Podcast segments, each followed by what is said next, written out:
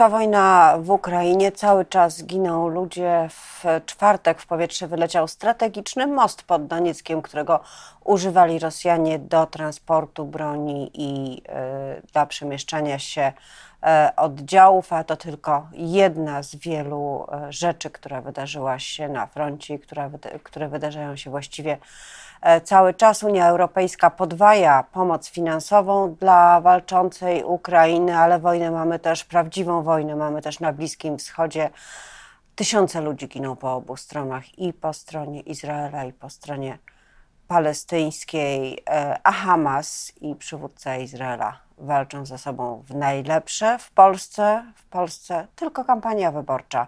Kampania wyborcza na finiszu dzisiaj Ostatni dzień o tym, jak ona wygląda i na co liczą partie polityczne, już za chwilę w rozmowie z moim gościem, Zuzanna Dąbrowska. Dzień dobry.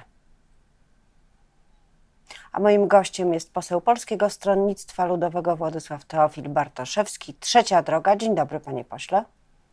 Dzień dobry, pani redaktor. Witam państwa.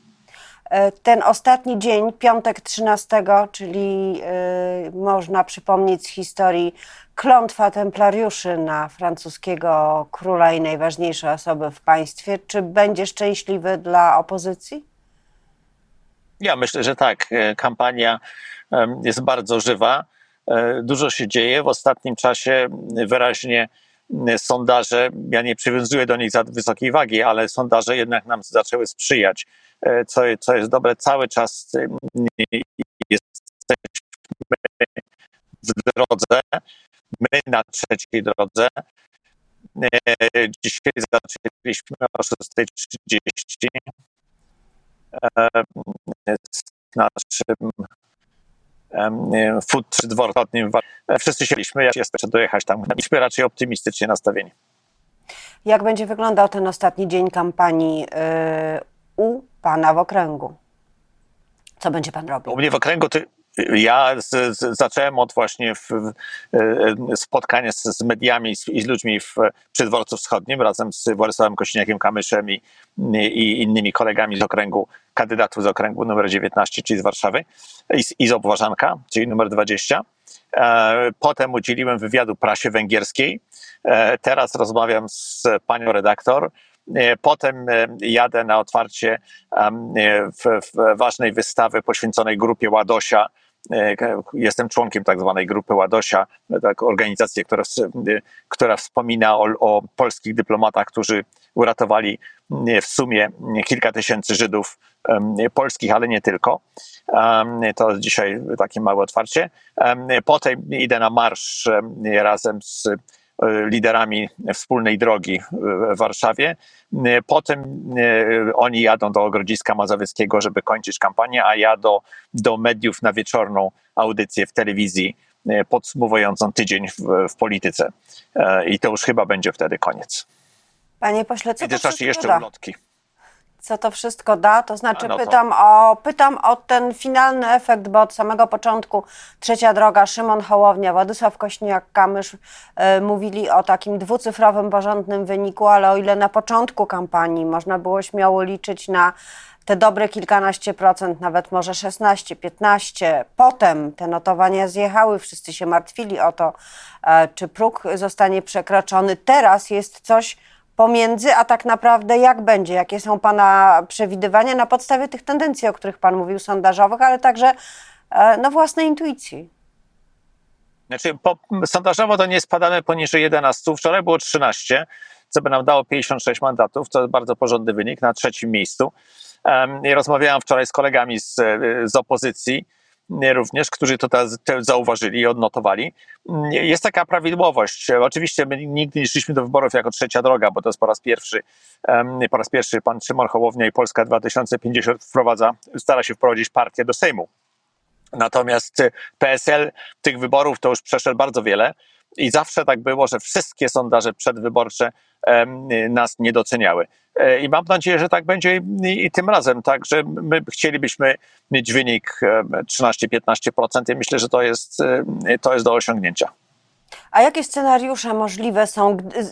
Możemy opierać się na tych, na tych tendencjach, które mamy w sondażach, które Pan opisał. Jakie scenariusze wtedy możliwe są po wyborach? Bo coraz więcej jest takich niepokojów, obaw, co to się będzie działo, czy PiS, mówiąc w skrócie, czy PiS, nawet jeśli nie będzie mieć większości, e, odda władzę.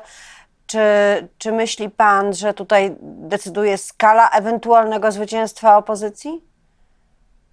E, I rozmawiając również e, z kolegami z PiSu, czy obserwując polityków PiSu, to e, wyraźnie widać, że niezależnie od tego, co niektórzy z ich liderów mówią do mediów, to, że oni pogodzili się z tym, że, że nie, nie będą w stanie rządzić. I to, to, to dość wyraźnie taka, taka psychologiczna zmiana u nich nastąpiła. E, myślę, że e, myślę, że ja nie wyobrażam, nie wyobrażam sobie sytuacji w demokratycznym kraju, żeby partia, która przegrywa wybory, nie oddała władzy. To, to, jest, to jest e, rzecz absolutnie nie, nie, niedopuszczalna i wątpię, żeby to miało miejsce.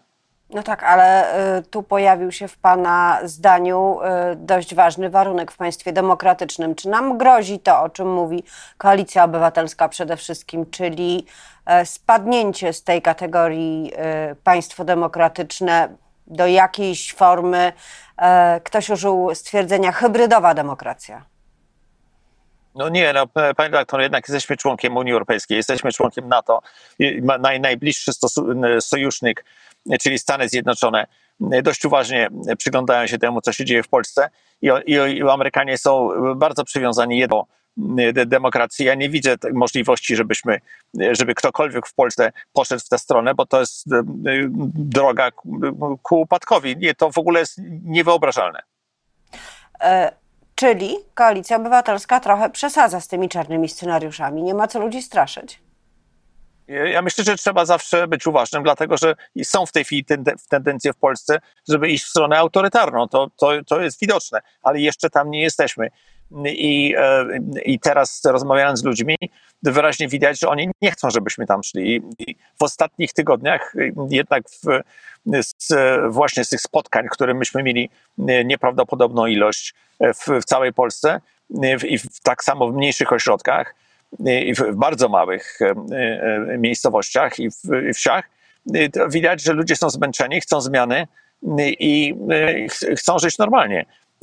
I my im, im to obiecujemy, że, że wróci pewna normalność.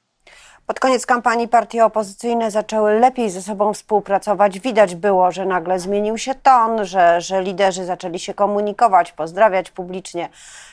To wszystko spowodowało troszeczkę polepszenie wizerunku i ewidentny ruch po stronie wyborców niezdecydowanych, ale ja chciałam zapytać o to, co będzie po wyborach, czyli o to, co Trzecia Droga i co PSL e, będą chciały realizować e, w rządzie.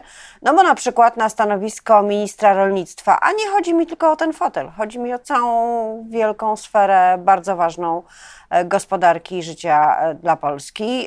Będzie duża konkurencja. W koalicji jest Michał W jaki sposób te negocjacje, to tworzenie ewentualnej większości powinno się odbywać?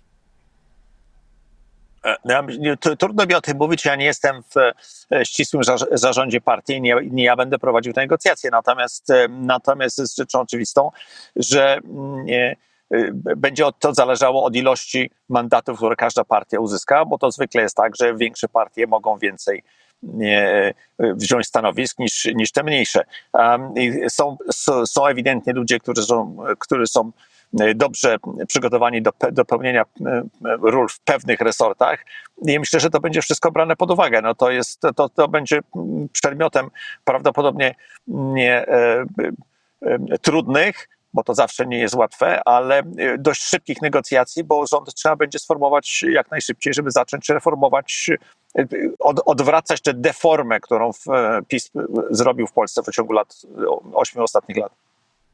A czy to, co wydarzyło się w ciągu ostatniego tygodnia w Wojsku Polskim, dymisje generałów, dymisje bardzo ważnych e, oficerów, czyli no, wypowiedzenie przynajmniej przez część polskiej armii właściwie posłuszeństwa ministrowi obrony, e, w tym sensie, że e, pokazanie, e, iż nie chcą ci wojskowi, ci wysoko postawieni wojskowi, wykonywać tej polityki, która jest realizowana przez resort. Czy to ma wpływ na wybory, czy to będzie miało wpływ e, na dalszą sytuację i relacje polityki z armią, niezależnie od tego, kto będzie rządził?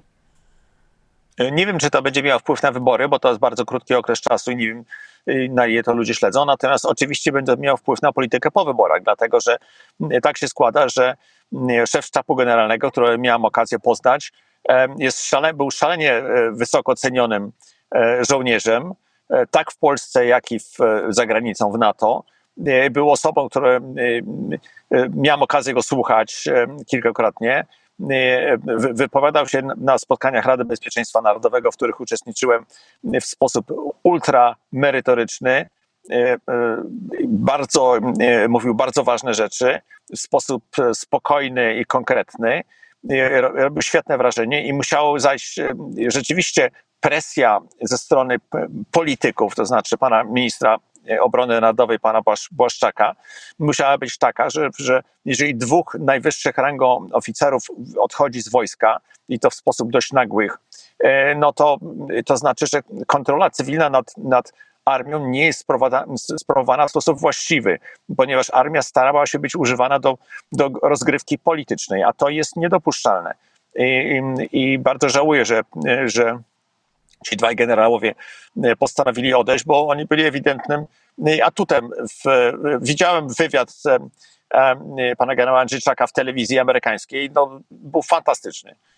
Bardzo, bardzo szkoda, że, odszedł razem z panem Piotrowskim i, i, i myślę, że tutaj e, wysługiwanie się armią, te ostatnie w kampanii wyborczej, kiedy armia stała jako tło do wystąpień politycznych pana ministra Błaszczaka, jest skandaliczne, bo armia ma być, ma być konstytucyjnie apolityczna. To na koniec pytanie z okręgu, pytanie warszawskie. Od lat toczy się debata o tym, czy Warszawa powinna być wydzielona z województwa mazowieckiego. Chodzi o dzielenie wpływów podatkowych, chodzi o dzielenie pieniędzy z programów unijnych.